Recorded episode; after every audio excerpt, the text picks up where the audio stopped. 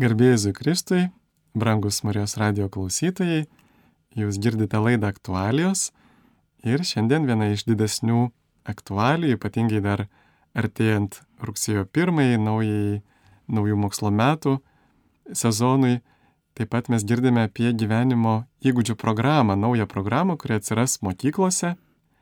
Ir šiandien apie ją taip labai apibendrintai bandysime pasikalbėti su gerbiame profesorė socialinių mokslų daktarė Vytauto didžiojo universiteto santokos ir šeimos studijų centro vyriausia mokslinė darbuotoja Birutė Obeleninė. Sveiki. Labą dieną. Taigi, nuo rugsėjo pirmosios mokiniai pradės naują etapą gyvenimo ir mokysis taip pat gyvenimo įgūdžio. Atrodo labai įdomiai, nes tikrai yra daug dalykų, kurių mes turėtume išmokti ir kartais tėvai mūsų užsiemę, skuba, neturi laiko, kada išmokyti savo vaikų tam tikrų dalykų, taigi kokių tų įgūdžių ruošiasi mokyti ši programa? Iš tikrųjų, programa, kaip pasakyti, tenais visko yra. Visko yra, kaip ir gyvenimas, matyt, kad autoriai turėjo galvoj, kad gyvenimas yra labai sudėtingas ir tuos, kaip tą gyvenimą apeiti, ypatingai tuos gyvenime pasitaikančius akmenis, kaip apeiti, todėl reikia turėti tam tikrų įgūdžių, kad už jų neužkliūtum. Bet skaitant programą, iš tikrųjų susidaro įspūdis, kad visas mūsų gyvenimas yra toks labai negatyvus ir kad nėra, žmogus nėra gyvenimo kuriejas, jisai tik tai tiesiog papuola į aplinkybės ir jam kažkaip reikia išmokti tose aplinkybėse suktis.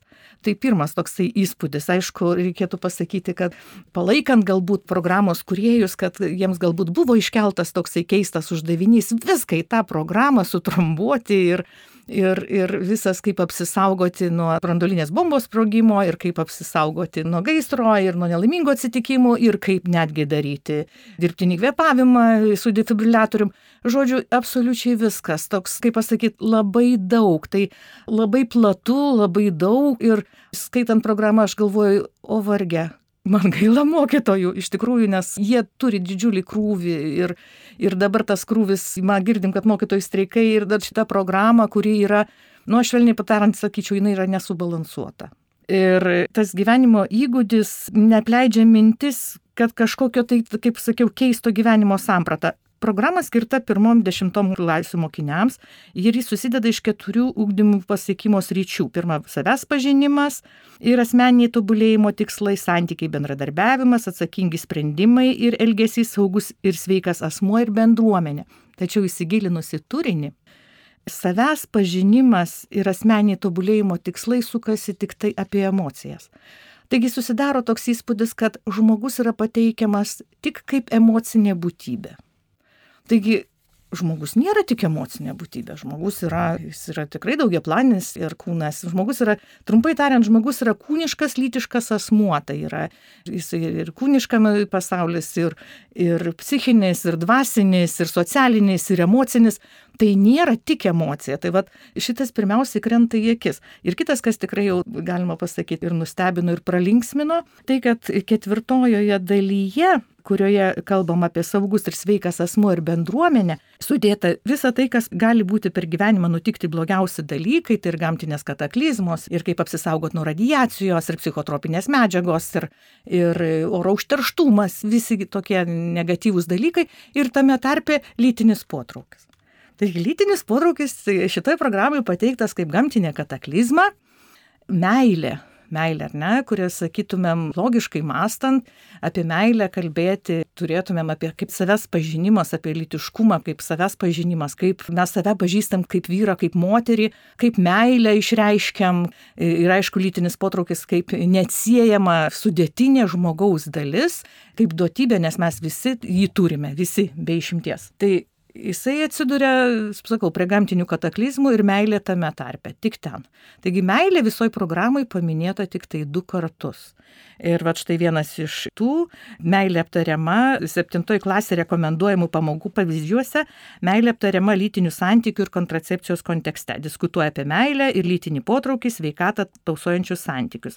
Susipažįsta su kontracepcijos savoka Lietuvos Respublikos prieinamomis kontraceptinėmis priemonėmis, jų tikslingumu.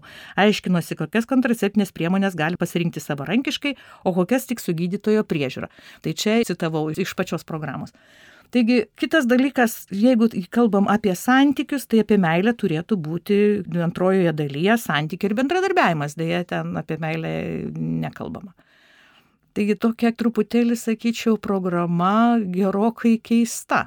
Ir jeigu mes kalbam apie litiškumą, tai litiškumo, nes autoriai sako ir pačioj programos įvade ir netgi ministerijos paaiškinamosiose raštuose, lygiai taip pat ir programai vyriausybės, kad į šitą programą turi būti integruota įrengimo šeimai ir litiškumo ūkdymo programa. Turėtų būti jau šitoj programai integruota. Na, tai turiu pasakyti, kad nei šeimos, nei litiškumo šioje programoje nėra. Ir nesvarbu, kad reiškia, šeima yra paminėta kaip žodis, bet kontekstas tai ne, ne, šei, ne rengimo šeima. Turiu pasakyti tokį dalyką, kad litiškumas yra pasaulyje žiūrinė kategorija. Nes litiškumo atskirai nebūna, yra liti, litiškumas priklauso nuo žmogaus, nėra litiškumo be žmogaus, o žmogaus prigimties samprata, aš turiu galvoje antropologinę, bet ne biologinę prasme, e, lemia ir litiškumo sampratą. Taigi kokią mes turim litiškumo sampratą, tokį mes turim ir ūkdymą. Taigi iš vienos pusės litiškumas priimamas kaip duotybė, tai yra duotybė litiškumas. Ir mes galime sakyti, kad tai yra integruoto litiškumo samprata, pagal kurią žmogus suprantamas kaip kūniškas litiškas asmo. Tai yra kūnas neatsiejamas yra nuo, nuo sielos, nuo dvasinio pasaulio. Tai yra vienovėje, kurio visos gyvenimiškos plotmės, tiek kūniškoji, psichinė, emocinė, jausmai, mintis sudaro vieną visumą. Iš kitos pusės tai yra, kad litiškumas yra paties susikonstruota realybė. Tai yra e, socialinio konstruktyvizmo pasiekmė Ir paprasčiau sakant, taigi šitą litiškumas, remiantis tą tokią e, socialinį, išplaukiantis iš socialinio konstruktyvizmo, jis yra, galima sakyti, išskaidytas litiškumas, dezintegruotas, kur asmuo atskirtas nuo lyties. Mes ne, jau nesako vyras, moteris, sako lytis, santoka atskirta nuo šeimos. Tokia visiškai išskaidyta, lytinis potraukis atskirtas nuo meilės, meilė nuo prokreacijos, atskirta lytinė tapatybė gali pasirinkti. Tai nėra duotybė, tu tiesiog gali ją pasirinkti, tu esi laisvas, tu esi laisvas susikonstruoti savo realybę, savo litiškumą, tu gali būti kuo tu nori būti.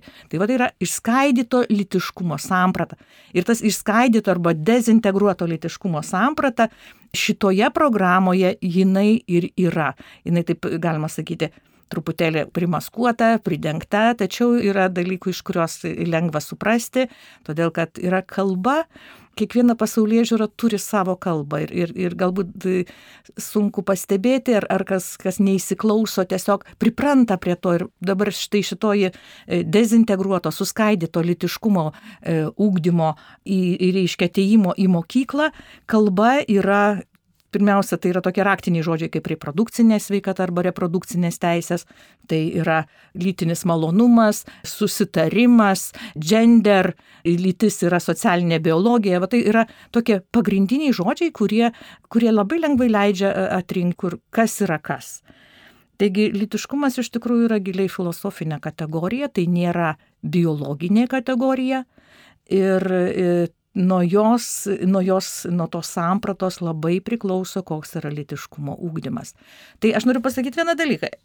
Jeigu žmonės turi savo kažkokią pasaulyje žiūrą, visi mes turim teisę turėti savo pasaulyje žiūrą, išpažinti savo, savo vertybę, savo religiją. Visi turi teisę. Tai yra aptarta žmogaus, visuotiniai žmogaus teisų deklaracijai, tvirtinta mūsų konstitucijai. Tačiau labai įdomu yra tas, kada yra, sakykime, pasaulyje žiūrinė kategorija, tarkim, litiškumo pasaulyje žiūrinė kategorija, e, kol ji yra, e, kalbant apie švietimą, kol ji yra nevyriausy, ne, neformaliam švietimo lygiai, ne, kuriam dalyvauja nevyriausybinės organizacijos ir jos e, į tos švietimo, švietimo pamokas ar švietimo burelius ateina tam tikri žmonės, kurie tą supranta ir pripažįsta. Tai yra vienas dalykas. Tačiau kada šita litiškumo, dezintegruoto litiškumo, suskaidyto litiškumo samprata atsiranda valstybinėje programoje, tai jau, man atrodo, reikėtų skambinti pavojaus varpais. Nes tai jau yra rimta. Tai jau yra rimta. O jūs minėjote, kaip aš supratau, kad litiškumo tema šitoje programoje jinai yra tokia tarsi prilipdyta šiek tiek, iškridus iš konteksto ir, ir taip siaurai na, tarsi skubotai parengta arba neprofesionaliai parengta, bet juk iki šiol buvo, kiek žinau, tikrai daug rengiama įvairiausių litiškumo ūkdymo programų, na nežinau ar įvairiausi, bet bent jau kelios buvo tos programos. Ir ar jos buvo įgyvendintos, kokia buvo, na, litiškumo ūkdymo situacija Lietuvoje iki šiol ir kur tos visos programos dingo, ar, ar programų rengėjai tiesiog nerado visiškai nieko iš tų senų programų, tų dalykų, kurias galima būtų čia irgi pritaikyti. Reikia pasakyti, kad aš dalyvavau nuo pat pirmosios programos sukūrimo. Tai e, pirmoji programa buvo sukurta 2000, nepasakysiu, man atrodo, 2000 metais, jinai vadinasi universaliosios sveikatos ūkdymo ir litiškumo ūkdymo programos. Ir ten buvo litiškumo ūkdymo dalis. Tai šita programa buvo parengta, atspausdinta 5000 egzempliorių tiražu. Man atrodo, ji nepasiekė nei vienos mokyklos. O kodėl? Ir katalikių tėvų asociacija, ir e, katalikių moterų, man atrodo, asociacija prašė ministerijos, kad reikia parengti tokią, tokią programą. E, programa buvo parengta, bet jinai nebuvo įgyvendinta. Kodėl, tai sunku pasakyti. Antrą programą jau rengiam 2007 metais, jinai ir vadinosi rengimo šeimai ir litiškumo augdymo programa. Programa buvo pradėta renktis 2004 metais, baigta 2007, ministras tada buvo Mankevičius, programa buvo patvirtinta vasario 14 dieną, tokia išskirtinis laikas. Tai darbo grupėje dalyvavo ir lygių galimybių, ir moterų tam tikri feministiniai centrai. Reikia pasakyti, kad programą buvo labai sunku kurti, nes buvo visiškai diametraliai priešingai nėra susitarimo valstybėje tokio programai iš tikrųjų reikėtų konceptualių pagrindų. Konceptualių pagrindų. Bet Kokie... ar jie nėra sudėti į Lietuvos konstituciją ir, pavyzdžiui, nepilnamečio apsaugos nuo žalingos informacijos įstatymą ten tarsi yra tokie? Ka kažkas tai yra, bet mes, įdomiausias dalykas, kai mes pradėjom kurti programą, šitą 2007 metų patvirtintą rengimo šeimai ir litiškumo ūkdymo programą, Pradedam nuo to, rengiam šeimai, pasižiūrim, kokią valstybę turi šeimos sampratą ir iš karto atsidūrėm į tai, kad valstybinės šeimos sampratos nėra. Konstitucijoje nėra apibriešta, kas yra šeima, yra tik pasakyta, kad šeima yra saugoma valstybės, o toliau, kad su toktiniai santoką sudaro vyras ir moteris ir su toktiniai šeimoje turi lygias teisės.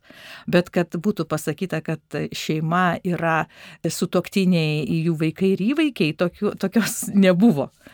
Tokios nebuvo ir teko, kaip pasakyti, labai daug diskutuoti, labai daug, kaip, kaip tokia sunku programą buvo labai sunku sukurti, bet jinai galų gale buvo sukurta, kad tai vis dėlto remiasi visuminė litiškumo samprata, neišskaidyta kaip dabar, bet visuminė litiškumo samprata ir kad mes galim nagrinėti žmogų, žiūrėti atskirais aspektais, bet tai aspektai, bet ne, nesuskaidytas litiškumas. Ir tai, kad tai yra santoka, yra svarbi, kad rengiama santokai, buvo tikrai programa, galima sakyti, visai nebloga.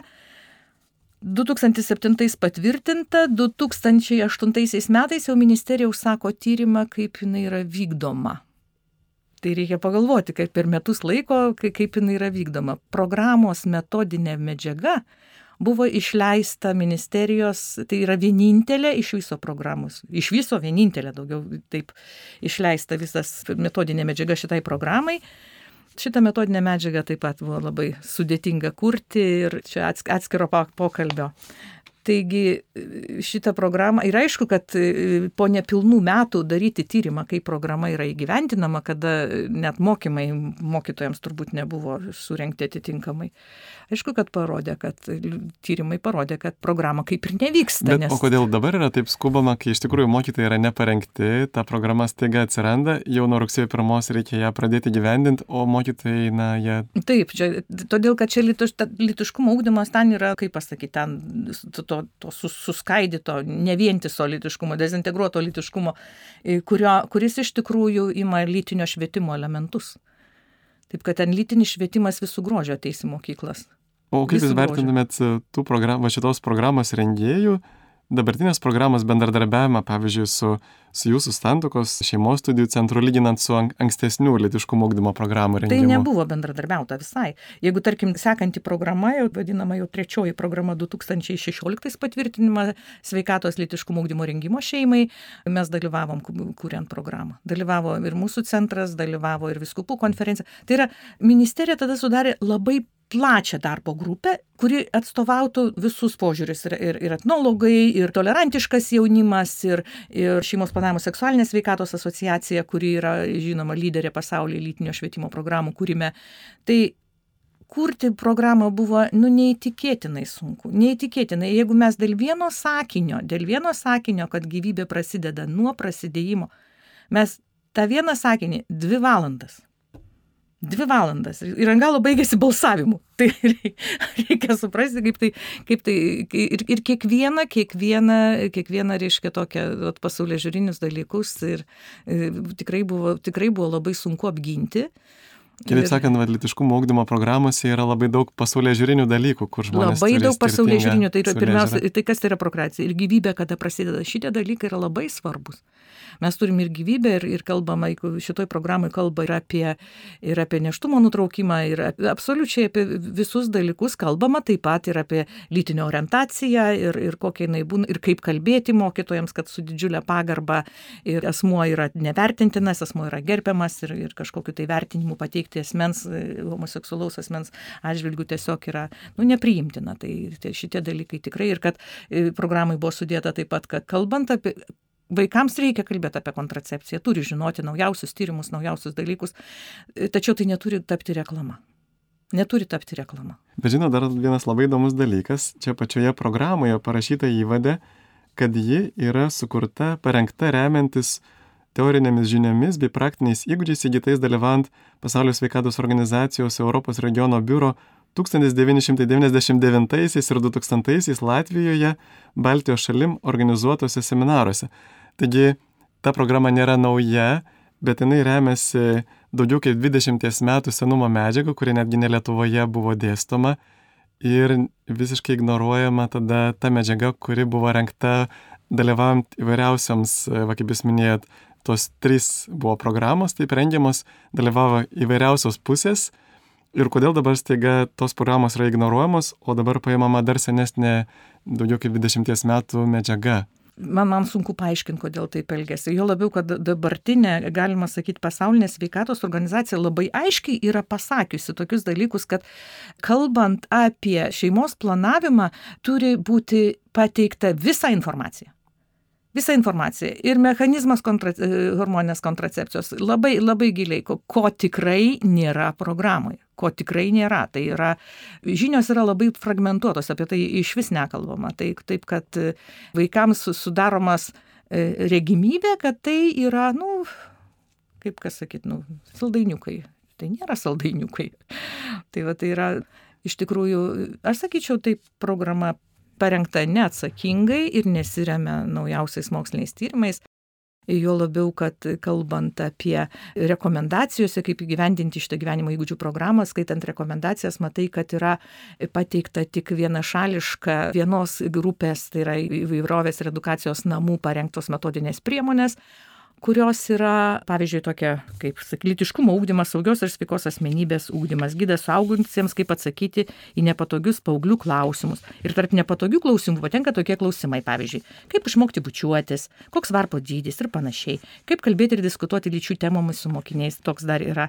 Bet labiausiai apgailėtinas, aš sakyčiau, ir šokiruojantis netgi, sakyčiau, leidinys, kurį e, šita programa, šitos programos įgyvendinimo rekomendacijoje rekomenduojama mokytojams, tai yra mūsų Lietuvos jaunimo reikalų agentūros tinklapyje patalpintas Nikos Norvilos litiškumo ūkdymo praktinis gydas, tai e, kuriamis išimtinai apsiriboja lytinių santykių pasiekmių vengimų. Išimtinai ten nei ūkdymo, nei litiškumo. Ypač intriguojanti instrukcija pateikta 38 puslapį šito gydo, e, vadinasi, kaip pasigaminti barjerinę plevelę oraliniam seksui.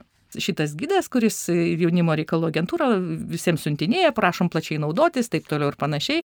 Tai iš tikrųjų yra e, vėlgi remiantis tos pačios pasaulinės sveikatos agentūra, Norvila Nika Šiugarių įvadė autorė pristato visuminio litiškumo augdymo sampratą, remdamasi autoritetingomis pasaulinėmis organizacijomis, matėt siekdama daugiau gairiams daugiau svorio suteikti.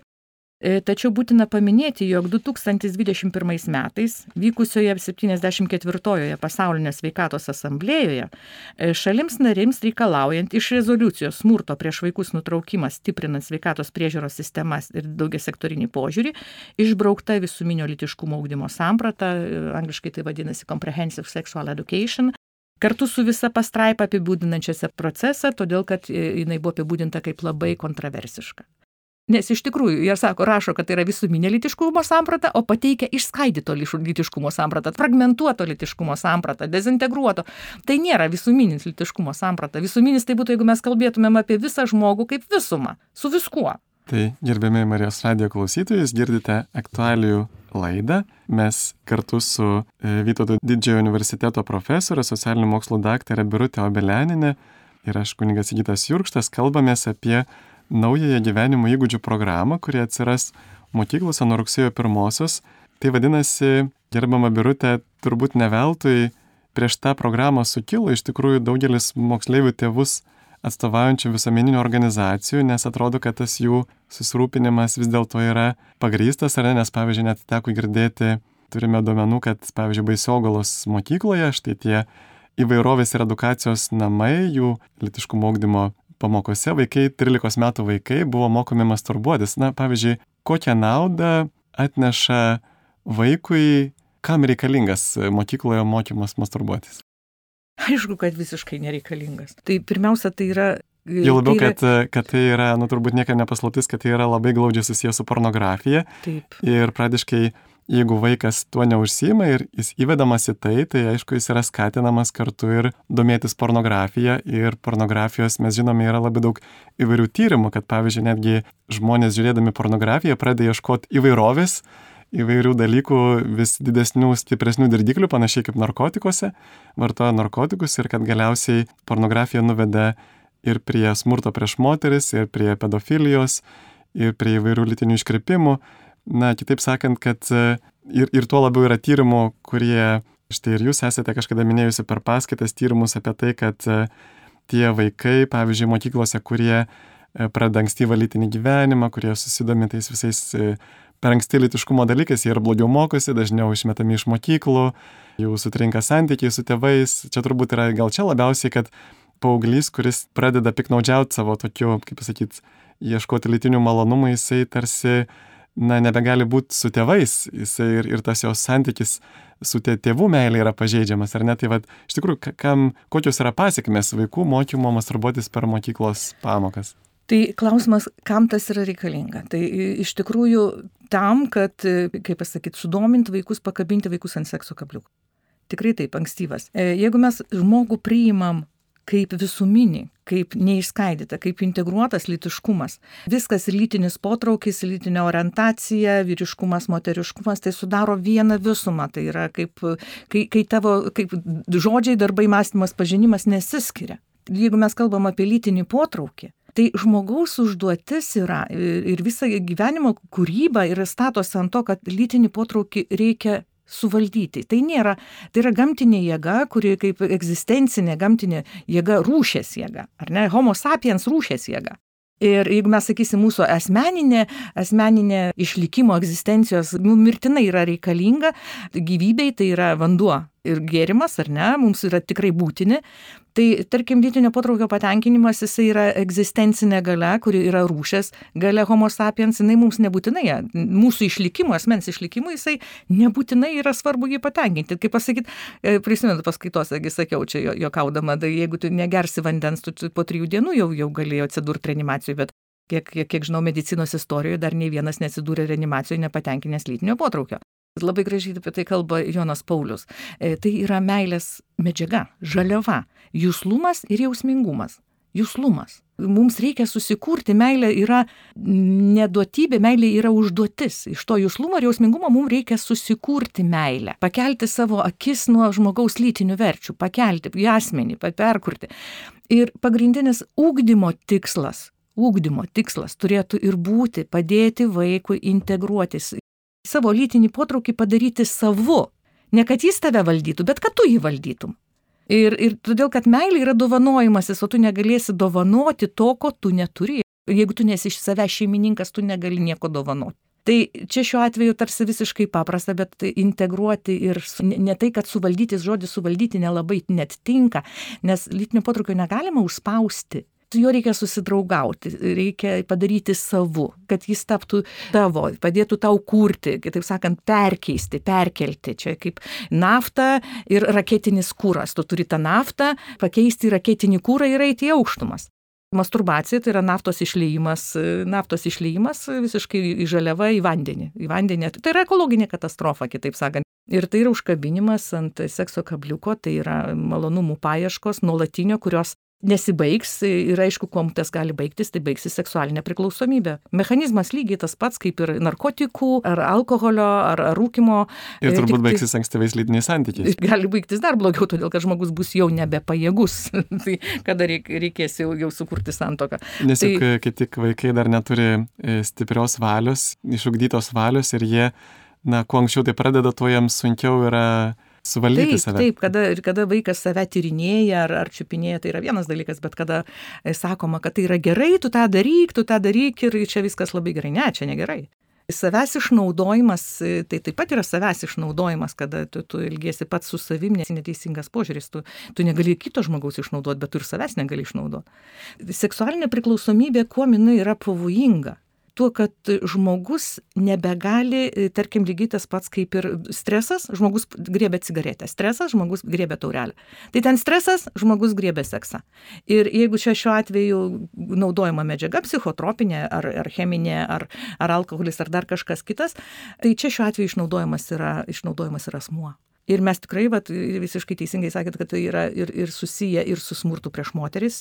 Tyrimas yra darytas, kuris darytas buvo su studentais, savanoriais, kurie sutiko dalyvauti, nes tai kontrolinė grupė ir tyriamoji grupė, kurie žiūrėjo tam tikrą laiką pornografinius filmus ir paskui atsakinėjo į klausimus, kaip jie reaguoja į smurtą prieš moterį. Tai tie, kurie žiūrėjo pornografinius filmus, pateisino smurtą prieš moteris. Taigi čia viskas yra, viskas yra susiję ir ypač mokykloje. Mokykla negali pavirsti pavirsti gatve. Na, aišku, nes atrodo, jeigu gatvėje prieitų koks vyriškis, pavyzdžiui, ir pradėtų tokių dalykų mokyti, tai sakytume, kad jis yra, nu, vaikus tvirkina, taip, taip, bet, bet taip. jeigu per pamokas tai yra daroma, tai atrodo, kad čia yra, čia viskas vis gerai. Dėl, taip, taip, vis dėlto vis dėl reikėtų čia pasižiūrėti, didžiau iš šitokių. Bet, bet štai dar vienas dalykas, kartu turbūt e, mums kelia nerima kaip e, tikintiesiems, kaip e, krikščionėms, Ir tarp kitko ne tik katalikų bažnyčios krikščionims, bet pavyzdžiui, kada jau kalba apie Stambulo konvenciją, kur, kurie irgi lygiai taip pat priešinosi ne, ne dėl visų gerų dalykų, kurie yra joje paminėti, ne dėl tos kovos prieš smurtą prieš moteris, bet būtent dėl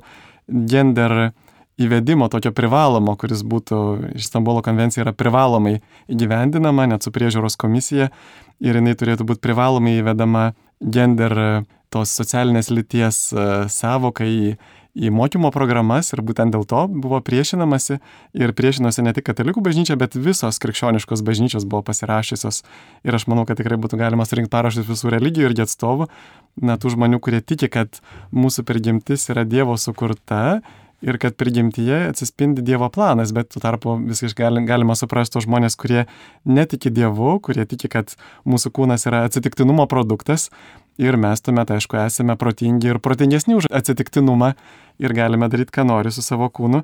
Bet štai irgi matome jau kitose šalise, ypatingai tokiuose kaip, pasibėjau, atrodo, kad Kanada ir Australija ypatingai yra pažengusi tą vadinamą gender ideologiją, kada, nu, vat, vėlgi ta socialinė lytis, jinai yra atsiejama nuo prigimtinės lyties ir, ir tuomet jau tai tampa na, tikrai toks sunkiai protų suvokimų mokymų apie tai, kad, kad tai yra visas spektras, na, daroma tiesiog kategorinė loginė klaida, ar ne, nes, nu, yra tikrai dalykų, kurie, pavyzdžiui, kaip šviesa, jinai turi visą spektrą spalvų, netgi neribotas skaičius spalvų ir atspalvių, bet tuo tarpu lytis yra tik tai dvi ir šitie dalykai yra nepalyginami, tai būtų kategorinė klaida lyginti žmogaus lytis su spalvų spektru, kaip kad yra daroma, pavyzdžiui. Ir, ir štai mes turime jau tose šalise, ypatingai Australijoje, Kanadoje, tokių atvejų, kada, na, pavyzdžiui, Kanadoje Robert Hugland toksai labai pagarsėjęs atvejis, kada jo mergaitė, dukra grįžta iš lytinio švietimo pamokų ir sako, žinai, dabar aš tėti, dabar aš būsiu berniukas. Ir jinai yra nepilnametė, jai 15 metų ir tėtis bando priešintis ir baigėsi viskas tuo, kad jis yra pasidinamas į kalėjimą. Iš pradžio jam yra uždraudžiama kištis į tai, viešinti ir kadangi jis to nepaiso, tai jis yra pasidinamas į kalėjimą už tai, kad gina savo dukrą, kuri jau ruošiama tam lyties kitimo operacijai, jai duodame visokie ten brandimo blokatoriai, visokie hormonų, hormoniniai vaistai ir taip toliau. Taigi va čia turbūt yra tas didžiausias gender ideologijos monstras, va štai šitas netgi sakyčiau, skatinimas į translitiškumą, e, vaikų apgaudinėjimas, kad jie turi, kad jie, pavyzdžiui, gali pasirinkti vieną iš ten šimto lyčių ar kiek įvairių, įvairių e, iškia, orientacijų. Kitaip sakant, dar tai yra tokia apgaulė, kad žmogus privalo elgtis pagal savo emocijas, pagal tai, kaip jauti, nors šventame rašte parašyta, kad nesek savo nedoros širdies polinkiais ir, ir kad nuodėmė tyko prie tavo durų, bet tu galėjai veikti. Tai va, jeigu trumpai tariant, gal galėtumėt paprastai klausytėm paaiškinti, kas yra toji gender ideologija, apie kurią vat, ir bažnyčia yra išleidusi dokumentą 2019 metais. Tai paprastai tariant, jeigu pradėtumėm nuo, nuo istorijos, nes tas irgi yra labai svarbu, kada lytis pavartoja pirmoji, tai feminizmo motina vadinama Simone de Beauvoir ir jos antrojoje lytyje yra, kuris laikoma feminizmo Biblija, yra šitie dalykai parašyti.